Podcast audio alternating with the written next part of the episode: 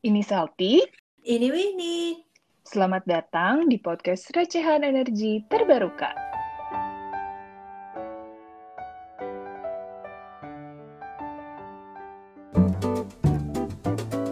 Nah, total tuh Grace di Lentera Bumi Nusantara jadi berapa tahun tuh Grace? Dua, tiga tahun? Oh, oh ter, tri, tiga tahun lah kak bisa dibilang. Tiga tahun ya. Terus kemudian akhirnya memutuskan mengambil S2.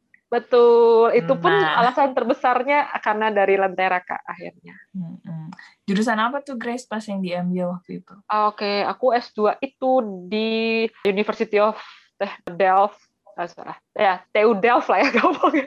Technische Universiteit of Delft di Belanda, jurusannya Management of Technology. Mengapa aku milih itu? Ya, jadi ceritanya itu sebenarnya eh, tujuan dari program itu tuh memaksimalkan fungsi teknologi untuk eh, mem- eh, untuk keuntungan perusahaan, keuntungan konsumen, keuntungan apa namanya masyarakat seperti itu. Salah satu goalnya gitu kan. Nah, aku merasa jadi sebenarnya di TU Delft itu ada kak jurusan Sustainable Energy Technology ya. Kalau ngeliat background aku kan energi energi gitu ya dari Indonesia satu terus kerja di LBN. Eh, tapi apa aku melihat juga sebenarnya ya gitu kayaknya energi saja itu tidak cukup kayak gitu. Teknologi itu banyak banget manfaatnya gitu.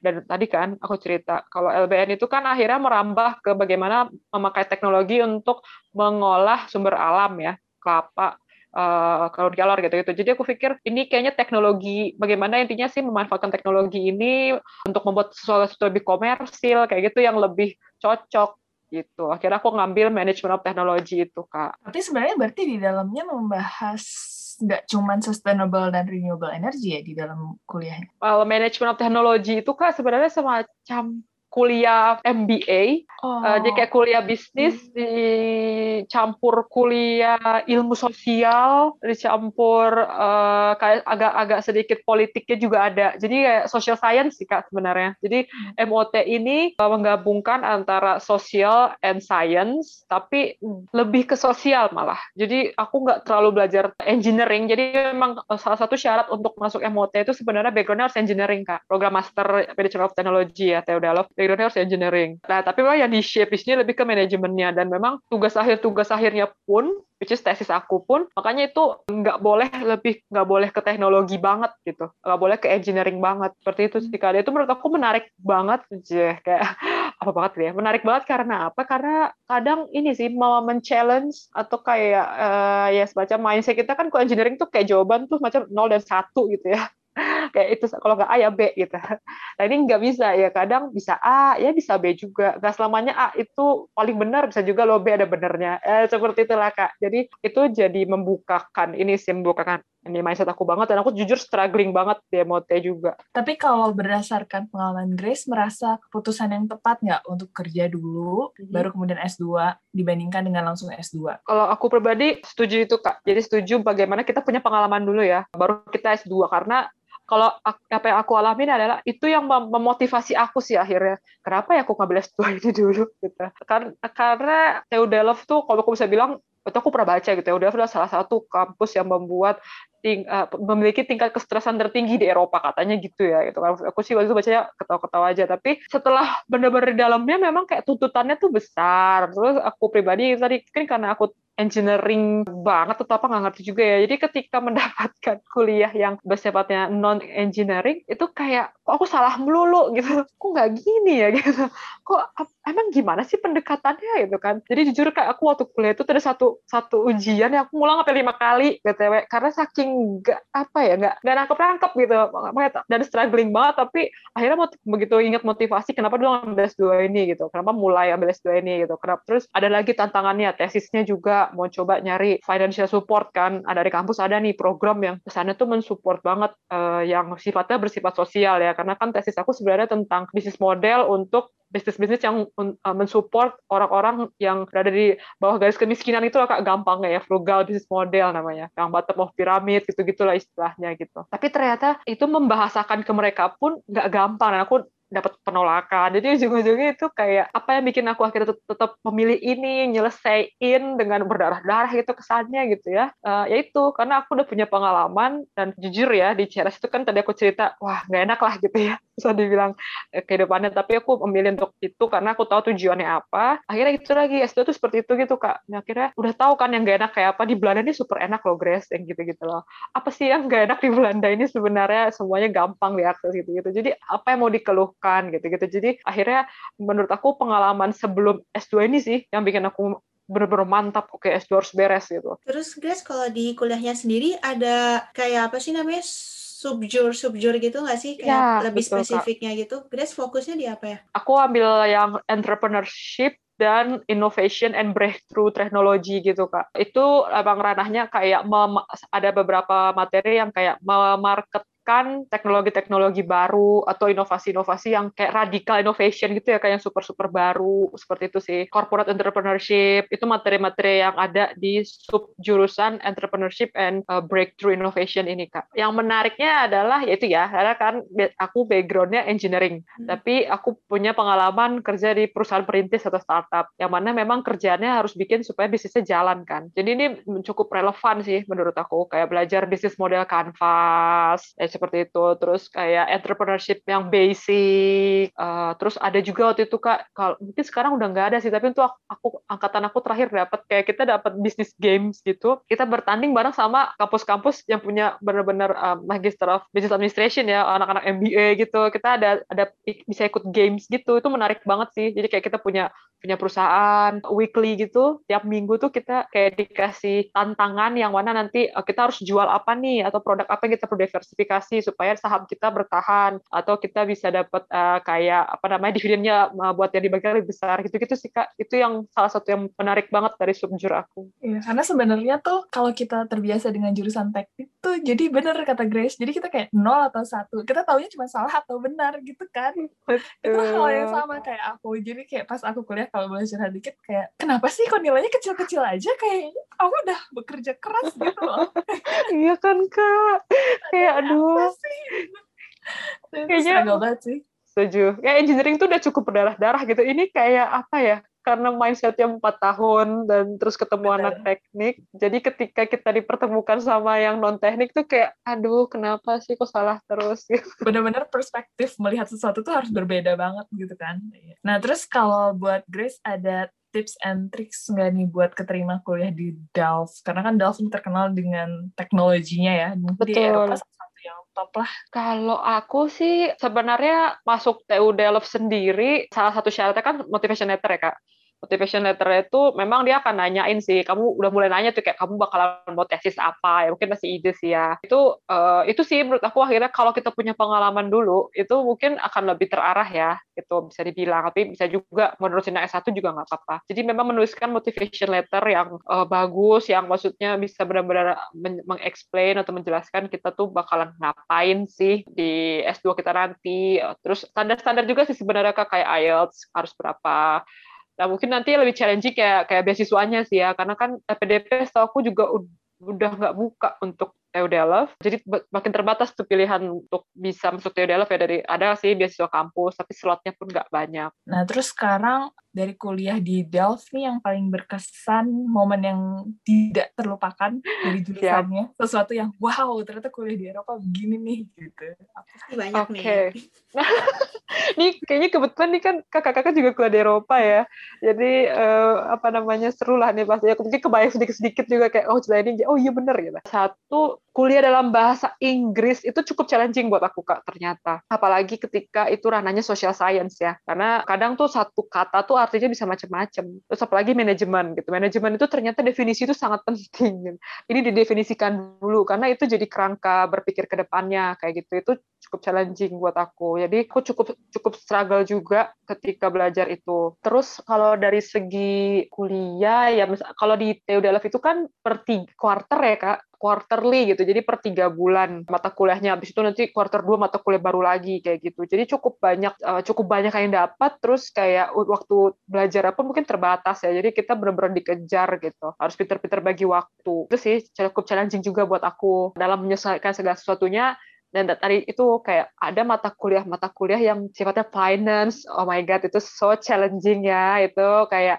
harus ngitung NPV net present value itu mohon maaf banget tuh ternyata super sulit buat aku. Apalagi itu bahasa Inggris saudara-saudara itu kayak ah gitu kan. Itu satu. Terus ada juga di uh, kami belajar economic foundation kak. Itu juga ya basic basic ekonomi sih. Sama itu juga ternyata kok uh, tidak mudah ya gitu kan. Karena ya itu tadi karena engineering banget gitu. Ini apa? Ya harus mikirin moneter fiskal yang kayak gitu gitu itu juga harus dipelajarin kalau dari segi pertemanan sih aku cukup enjoy ya. Mungkin aku bisa bilang aku beruntung di waktu angkatan aku di 2017 master uh, program master MOT ada tiga orang kami orang Indonesia kak. Oh, aku adalah orang yang at the end paling nyaman ngomongnya pakai bahasa Indo gitu kan. Jadi kayak kalau mau curhat itu ya sama teman aku pakai bahasa Indo gitu. Ini kenapa susah banget ya gitu gitu gitu. Jadi aku punya teman orang Indonesia ini yang jadi support system aku dan mungkin juga bisa dibilang Theo Delaf itu cukup banyak uh, orang Indonya. Jadi yang terdekat lah ya kak itu yang benar-benar mensupport ketika kita lagi ya lagi sakit susah nyari housing kayak gitu-gitu atau pengen liburan gitu. Mungkin yang challenging-challenging lainnya adalah ya tesis sih kak itu bisa dibilang karena ya pada akhirnya tuh banyak hal baru yang akhirnya perlu aku penuhi gitu ya. Kayak kan kalau tesis itu kayak apa you know, apa knowledge gapnya apa yang kayak gitu-gitu kan. Terus aku punya dua supervisor sorry tiga bahkan.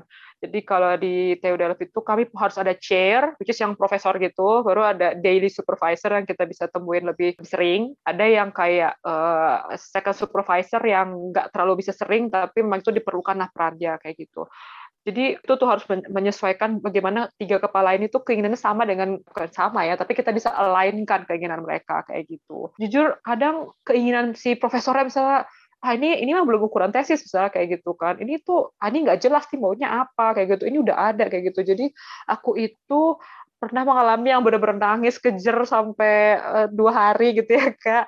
Itu karena apa nggak dapat dapat green light bahasanya. Jadi kayak belum bisa maju untuk mendefense tesis ya karena tidak kan defense ya. Aku belum dapat itu udah pertama kedua aku pikir uh, karena kadang dengar dari temen ah paling dengar yang besok dapat lah gitu perbaikin sedikit aja. Ternyata aku berhadapan dengan profesor yang nggak kayak gitu, cukup perfeksionis kayak gitu. Terus ada lagi second supervisor aku yang uh, cukup punya pengaruh, ternyata dia juga kayak yang banyak juga keinginannya kayak gitu. Jadi aku tuh kayak akhirnya mundur lah lulusnya dibanding teman-teman aku ya kak. Jadi periode di TU Delft itu yang paling idealnya mungkin kalau di TB itu idealnya kayak Juli Oktober gitu ya.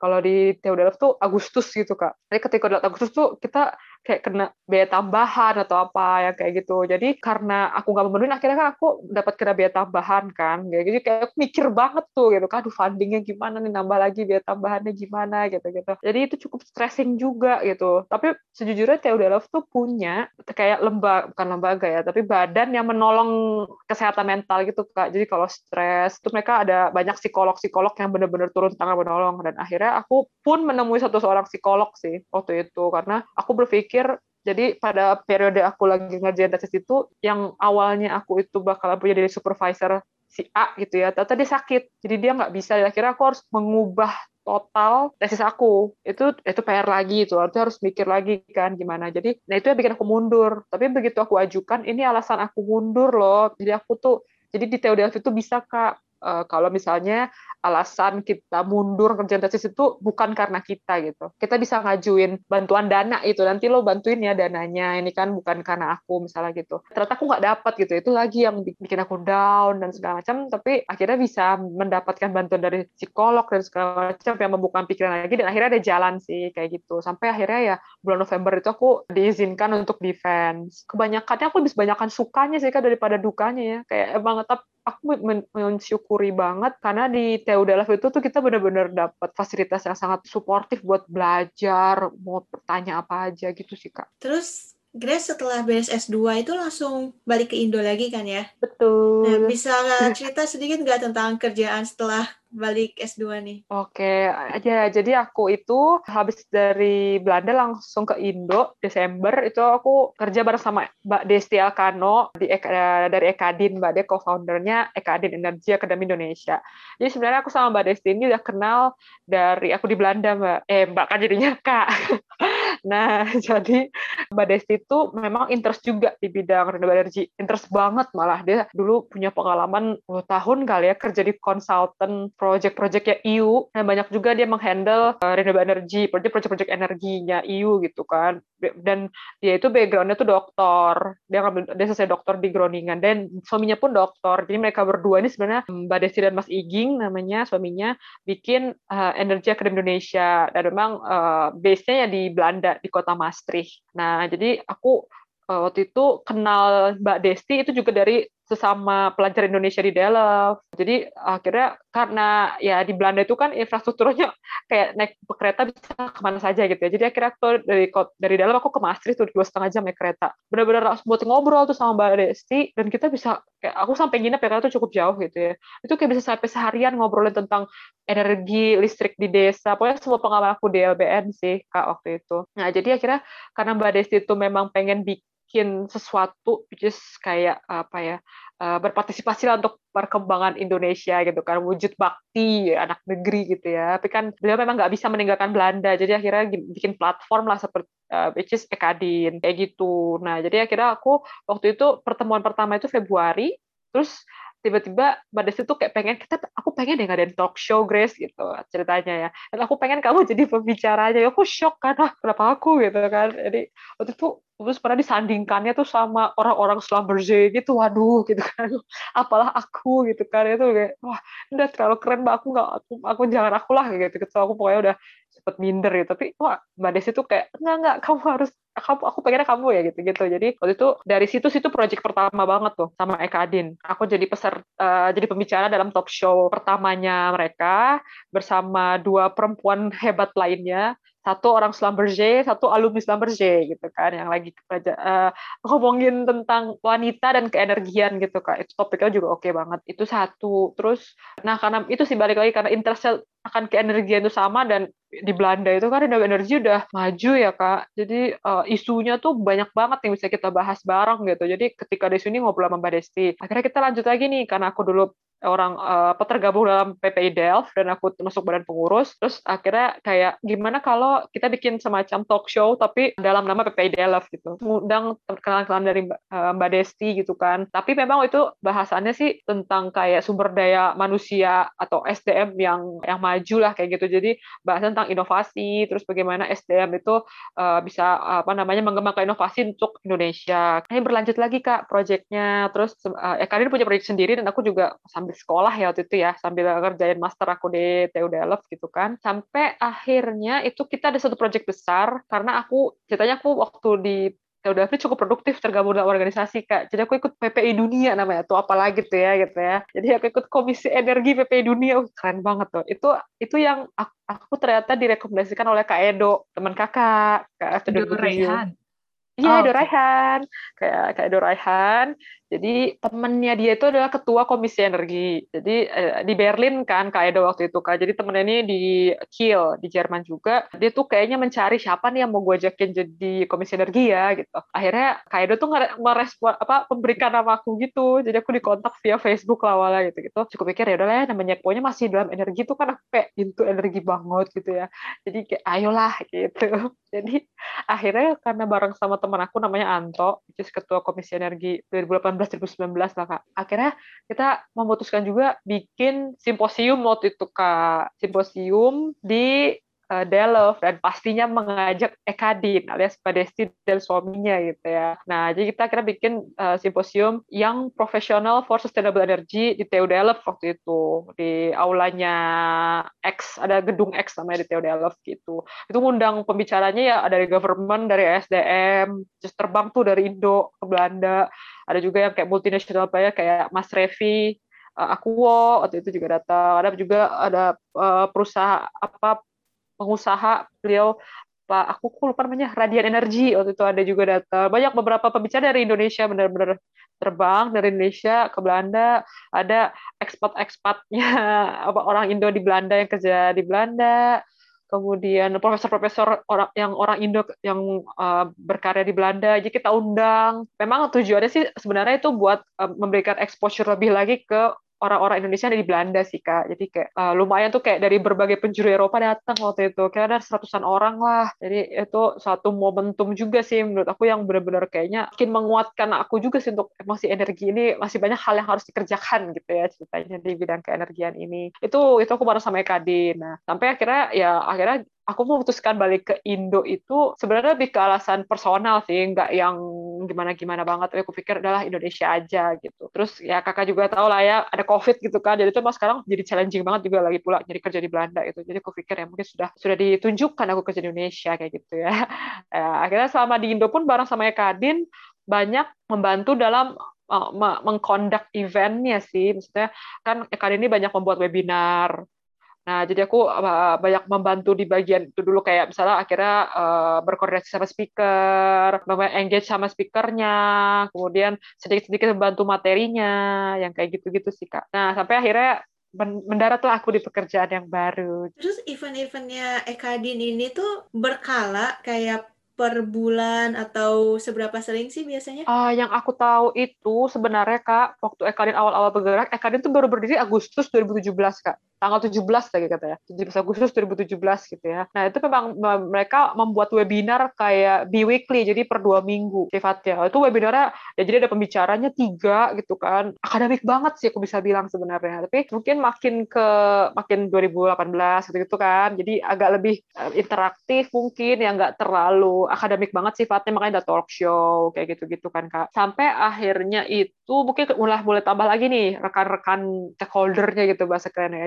ya jadi kayak uh, kita bikin webinar bareng PLN yang kayak gitu-gitu untuk jadi kayak ajang knowledge platformnya PLN kayak gitu kak. Tapi memang salah satu momentum yang dimanfaatkan adalah dengan adanya COVID kan semua serba online ya kak. Jadi apa apa daring apa apa daring. Jadi kayak uh, mungkin itu jadi salah satu opportunity sebenarnya buat Ekadin. Jadi akhirnya banyak banget webinar Ekadin tuh kayak dalam seminggu kali ya seminggu atas satu gitu kak just sebagai orang yang akhirnya tahu ngadain webinar itu yang super pengen rapi itu gak gampang gitu yang hubungin pembicara segala macam itu menurut aku canggih banget gitu waktu itu. Tapi memang aku juga itu Mbak Desti dan Mas Iging lah pokoknya tim Ekadin yang which is mereka berdua aku rasa co-founder co-founder ini yang sangat amat super kerja keras gitu untuk itu semua. Sangat committed lah mereka gitu. Aku lebih kayak apa yang kurang Mbak Mas? Aku bantuin yang gitu-gitu sih sebenarnya. Jadi sebenarnya Ekadin tuh lebih ke bantu-bantu lah ya atau ya ya kan ya? Uh, uh, dan kayak membuat aku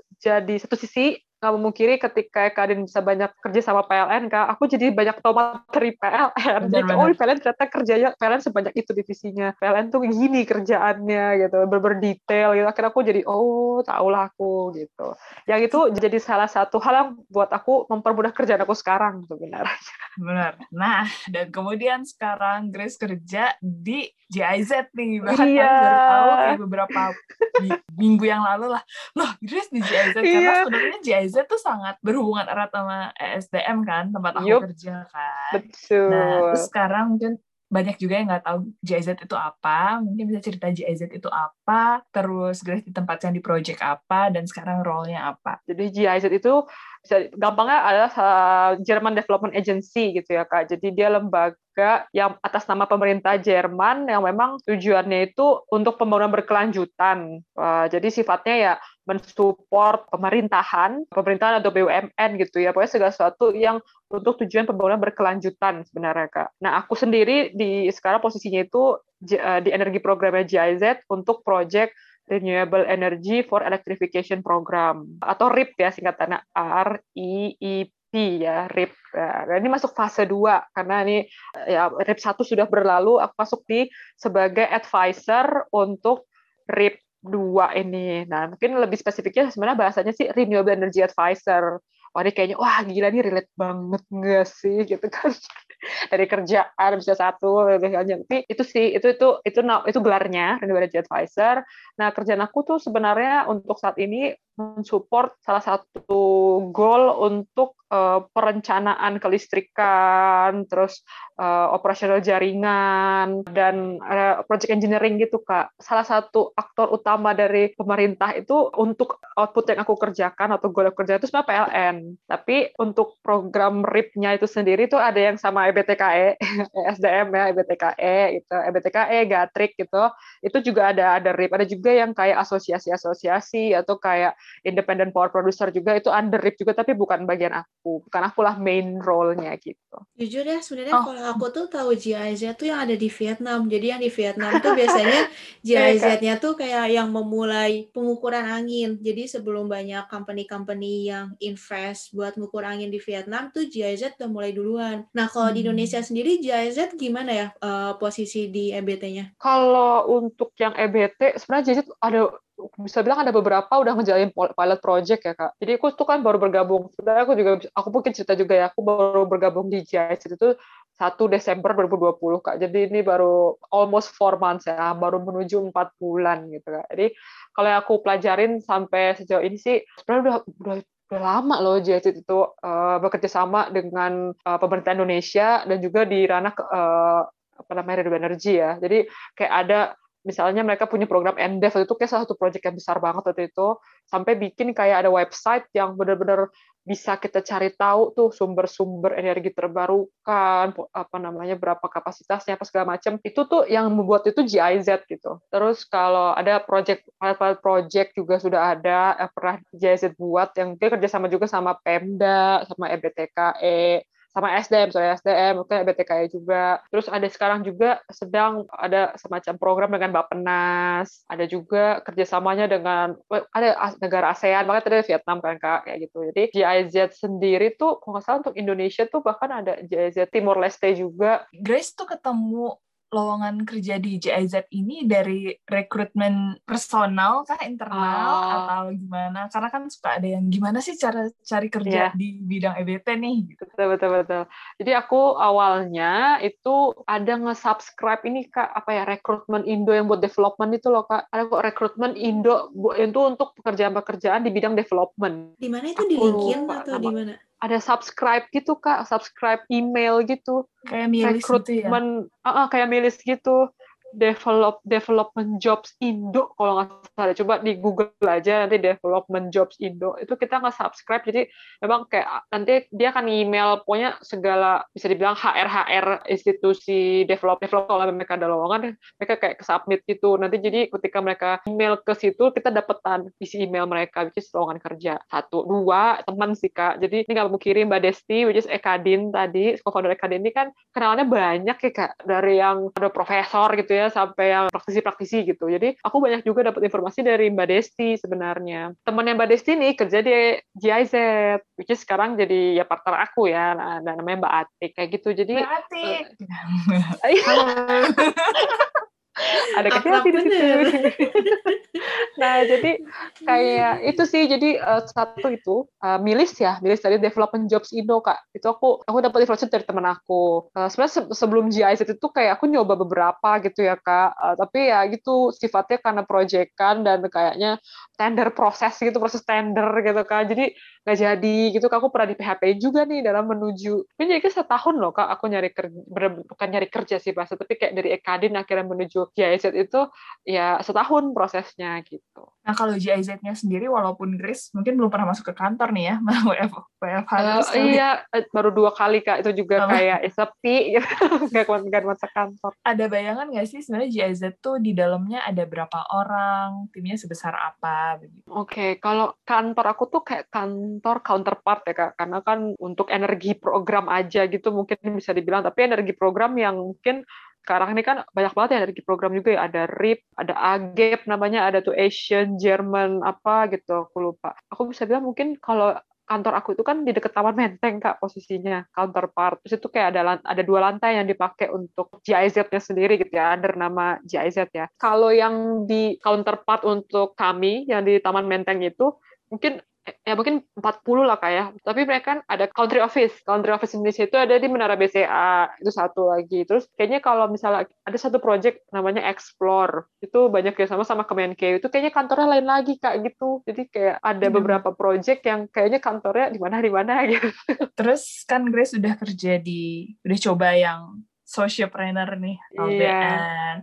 sudah coba juga yang Ekadin yang apa online based workshop workshop gitu terus sekarang lagi di YZ ada nggak keinginan untuk bekerja di di tetap di sektor EBT gitu tapi kayak ah pengen nih belum ngulik, belum tahu di bagian ininya. Aku, aku sangat senang belajar banyak hal tentang energi, tapi masih benang merah selalu energi ya. Kayaknya itu kayak ya passion di situ. Terus kayak kalau tentang energi dan energi bersih gitu, terus sustainability tuh kayak oh pengen banget lah belajar tuh supaya bisa makin ajak juga di aku dan itu juga e, orang-orang juga bisa makin terfamiliarkan ya dengan apa sih baiknya, apa sih manfaatnya gitu. Jadi mungkin kalau aku tuh sebenarnya aku tadi cerita ya secara financing is so hard gitu ya buat aku pelajarin tapi sebenarnya itu sangat menarik gitu kak. Dan aku nggak memungkiri ya ketika ngomongin duit itu kayak orang lebih gampang tertariknya dibandingkan teknis gitu-gitu kan nggak semua orang kayak paham ya gitu kan. Tapi kayak ketika ada unsur apa financing di sana itu akan bikin kita jadi punya mungkin bargaining power lebih besar ya. Dan itu berbagai cara loh cara untuk ngomongin financing itu kayak gitu. Jadi mungkin aku bisa bilang di JJ sendiri pun aku diwadahi belajar tentang financing itu gitu. Jadi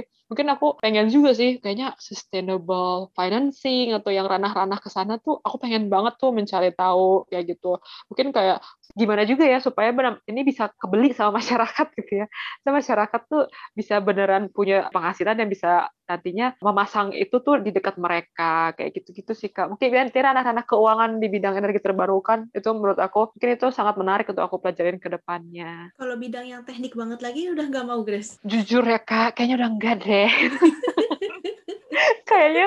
Tapi juga aku tuh aku teknik itu senangnya adalah membuat kita berpikir itu kan apa ya eh, terarah gitu kak. Dengan belajar cara anak teknik buat aku pribadi. Tapi kalau tuh technical aku kayaknya aku nggak ke sana sih. Kalau setelah aku gali-gali, setelah lihat interest aku gitu ya, aku lebih senang bidangnya tuh ngomong sama orang. Jadi mungkin kayak paham ilmunya itu sesuatu yang akan sangat benefit juga buat aku ya. Tapi kalau too deep sampai too much detail yang keenergian gitu banget, mungkin aku udah kayak bayanganku sih nggak ke sana gitu. Nah ini Grace setelah bertahun-tahun ya. Grace di bidang EBT di Indonesia, terus sempat S2 juga. Terus menurut Grace, apa sih hal-hal yang paling menantang banget buat EBT industri di Indonesia untuk berkembang? Hmm, ini pertanyaan yang cukup tricky ini ya.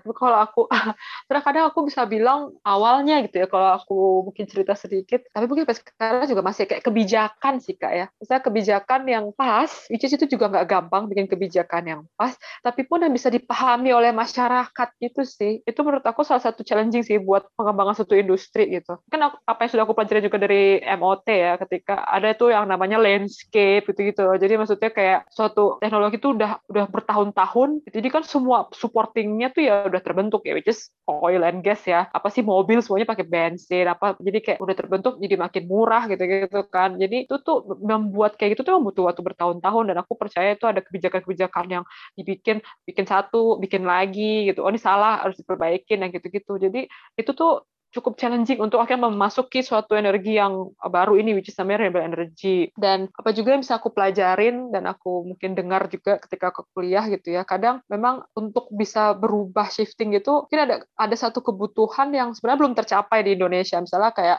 secara industrialisasi yang benar-benar merata atau apa itu kayak belum tercapai loh. Dan paling murah tuh ujungnya misalnya bukan pakai renewable energy gitu. Jadi kayak akhirnya ujung-ujungnya orang ya udahlah RE belum belum ke sana lagi. Tapi saya ada desakan tapi ya mau gimana? Maksudnya di internalnya sendiri tuh menyadari kalau saat ini pengen tercapai kebutuhan ekonomi sekian tapi memang untuk bisa mencapai ke sana akhirnya belum belum renewable energy sih jawabannya gitu. Jadi memang menurut aku tetap kayaknya rootsnya kebijakan yang benar-benar bisa suportif gitu ya kak. Dan juga mewadahi juga mungkin grassroots grassroots movement sih sebenarnya. Karena kan itu bisa jadi bikin masyarakat jadi lebih aware dulu gitu. Membahas energi terbarukan. Itu tuh bukan lagi sesuatu yang kayak apaan tuh? Kok kayaknya ah kayaknya super advance atau kurang fancy gitu. Itu jadi mungkin bisa bagaimana semua itu ter tersinergikan. Nah sebenarnya kalau ngomongin energi itu kan memang banyak banget ya. Maksudnya ada yang sosial, energi untuk sosial, hmm. energi untuk industri, energi untuk ini memang luas banget gitu kan. Sementara kita sendiri masih belajar EBT itu apa dengan hmm. melawan fossil fuel yang udah sangat mendarah daging yep. di negeri ini. Jadi ya. Setuju. Tuh, ya. Kan sekarang sebenarnya kalau kita lihat EBT tuh memang memang lambat pertumbuhannya tapi ada lah ya kelihatan trennya semakin membaik. Menurut Grace kira-kira tuh lima tahun lagi tuh mungkin nggak sih EBT tuh udah jadi sesuatu yang familiar untuk ibu bapak kita gitu topik-topik yang udah umum gitu. Kalau aku menurut aku lima tahun lagi uh, orang aku percaya makin familiar sih kak. Apalagi kayak sekarang tuh kan aku bisa bilang salah satunya kendaraan listrik ya itu udah waktunya jadi pembicaraan orang banyak walaupun ranahnya kadang ujung-ujungnya saham atau apa tapi maksudku at least mereka udah tahu nih kendaraan listrik mau masuk nih gitu kan. Udah mau eranya kendaraan listrik. Dulu aku bisa cerita kalau 2014 tuh aku aku udah tentang Elon Musk itu 2014 sebenarnya kan. Dari Mas Riki sendiri karena waktu itu Mas Riki cerita memang dia bikin mobil listrik kan. Dan Mas Riki kan salah satu penggiat mobil listrik Indonesia gitu kan. Jadi dia udah tau lah siapa saja di dunia ini aktor-aktor ya gitu nah itu nama Elon Musk itu udah tercetus itu Elon Musk gitu. Siapa sih Elon Musk? Dan aku akhirnya belajar sendiri gitu kan. Tesla-nya itu tuh itu tuh kayak aku ngomong Tesla di 2014 tuh kayak apaan tuh Tesla gitu kan. Tapi sekarang tuh kayak udah gampang aja ngomong Tesla. Kayaknya orang uh, udah tahu oh mobil listrik, oh Elon Musk, oh, oh mau tadinya mau bikin pabrik lalala gitu. Bahkan papaku sendiri gitu ya. Itu kayak kalau ngeliat mobil Tesla tuh wah ini mobil listrik ya gitu. Jadi menurut aku lima tahun lagi sih mungkin untuk Jakarta ya, mungkin mobil listrik akan udah cukup beberapa orang udah udah mulai ke sana tendensinya. Sedangkan kalau kelistrikan ini yang mungkin masih agak mungkin bisa masih PR ya, tapi aku bisa bilang mungkin kalau sudah semakin mungkin kebijakannya sudah lebih terbumikan ya. Jadi masyarakat tuh benar-benar tahu kebijakannya apa dan memang itu uh, menguntungkan buat mereka gimana caranya. Kayak solar solar apa uh, rooftop gitu loh kak. Jadi pasang solar rooftop gitu. Aku udah bisa kalau ngelihat beberapa trennya sih kayak di Surabaya Jakarta tuh orang-orang udah mulai interest tuh. Wah ini kayaknya nih mungkin ke arah sana ya. Nah cuman aku kayak misalnya aku ngeliat nih ya beberapa perkembangan webinar sekarang misalnya mau bikin lumbung energi dari NTT gitu ya kak. Nah itu aku masih uh, ini bisa nggak ya? Dari apa yang aku pelajarin dengan pekerjaan aku sekarang sekarang kan ada salah satu challenge di mana kebutuhan listriknya lagi turun kak gitu kan. Sedangkan kita diminta untuk masuk energi terbarukan terus sementara kan masih ada nih masih ada yang belum energi terbarukan ya batu, bara gitu. Lah batu bara masih sekarang aja terus ya sekarang demand listriknya lagi turun terus mau nambah lagi nih sumber baru gitu kak. Udah mana bisa dibilang kan teknologinya juga nggak murah ya. Ini gimana demandnya belum ada itu jadi kayak uh, salah satu pembahasan juga yang lagi kami karena suka jadi bahan obrolan adalah gimana nih munculin demand itu supaya ketika EBT masuk ya ya demandnya ada. Kadang-kadang supaya ada demand gak ada kan ya nggak balik modal juga gitu lah bahasanya. Mungkin ada itu sih hal-hal yang kulihat perkembangan untuk mungkin kayak yang yang advance ya kayak mobil listrik, PV rooftop itu mungkin akan berkembang. Di satu sisi aku bisa lihat juga mungkin usaha untuk membuat sumber-sumber jadi lebih ke energi terbarukan untuk daerah-daerah misalnya 3T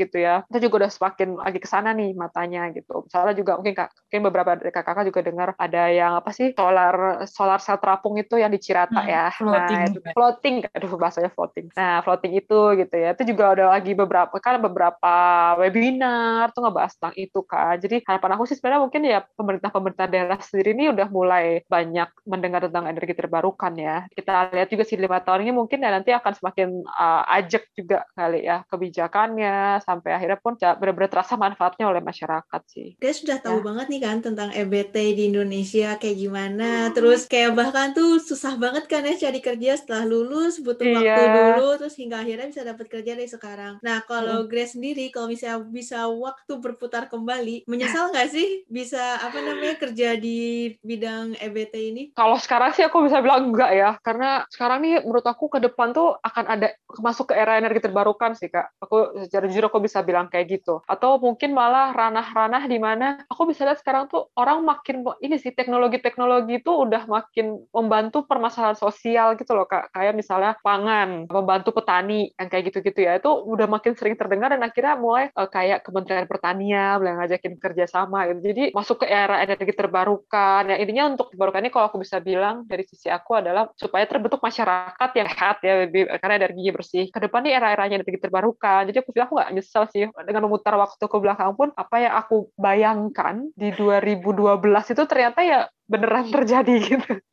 Di 2021 ini tuh itu terwujud satu persatu ya walaupun masih panjang prosesnya tapi ternyata itu beneran terjadi loh gitu. Tapi aku percaya ini pun bisa terjadi karena dikerjakan terus ya sama yang lebih duluan dari kita gitu. Dikerjakan dikerjakan dikerjakan. Jadi ya aku sih malah pengennya ya mengajak orang-orang semakin ayo yuk kita semakin ambil bagian kita gitu loh. Entah di mana lah entah advokasi kayak sifatnya atau kayak misalnya masuk ke job development agency misalnya kayak aku di GIZ gitu. Ya karena ya kita emang lagi bergerak ke sana sih gitu. pertanyaan terakhir nih. Kan tadi kalau ada orang yang datang ke Grace nih, ah pengen nih gue kerja di EBT deh gitu. Nah kalau menurut Grace sendiri, sementara ada sektor-sektor lain, terus kita tahu sektor-sektor fintech, e-commerce oh, iya. itu kan kayak hmm. wow pendapatannya yakin deh jauh di atasnya pendapatan untuk kerja EBT yakin banget tahu itu. Yes, nah kalau menurut Grace gimana nih apa ah udahlah nggak usah EBT lah atau apa sih pahit-pahitnya kerja di EBT gitu? Oh, apa hmm. gimana? Iya, ini ini ini tricky juga nih pertanyaannya. Tapi aku kalau tadi ya, aku sih mungkin tadi menggaris bawah yang Kak Shelty tanyain adalah kayak gue mending di EBT atau misalnya kayak di fintech atau gitu itu bisa nggak sih kak dibikin kayak gitu ya iya, pertanyaannya? Yeah, yeah, yeah. Aku kira balikin lagi ke mereka kayak lo maunya yang mana duluan sih maksudnya karena aku ada salah satu orang yang bergerak dari interest sih kak nggak ada interest tapi kayak gue tau sih ke depan yang bakalan energi terbarukan tapi kayak interestnya ternyata kayaknya bukan di situ ya aku gitu aku malah nggak menyarankan dia ke EBT kalau memang belum interestnya ke sana gitu nanti dia malah jadi ya gitu nanti dia kira motivasi dia menyesal uh, ujung-ujungnya jadi kayak malah menyalah-nyalahkan atau apa gitu ya bahasa. Jadi menurut aku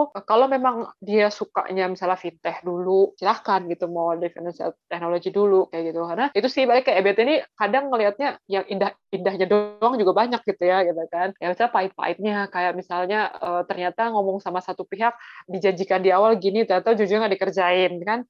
Itu mungkin banget loh. Nah makanya balik lagi jadi kalau motivasinya aja cuma ikut-ikutan akan tergerus juga nantinya. Jadi uh, ini kebetulan aku baru beberapa hari kemarin uh, IG live bareng Mas Riki juga. Jadi find your why itu tuh penting banget sih. Dan aku pikir itu juga akhirnya bikin aku tahan, Bo, gitu ya. Dari 2012 tuh udah mulai cari-cari TLBT. Sampai 9 tahun kemudian pun, oke, ternyata aku masih diizinkan untuk di ranah energi dan masih energi bersih loh, gitu. Keren-keren, Grace.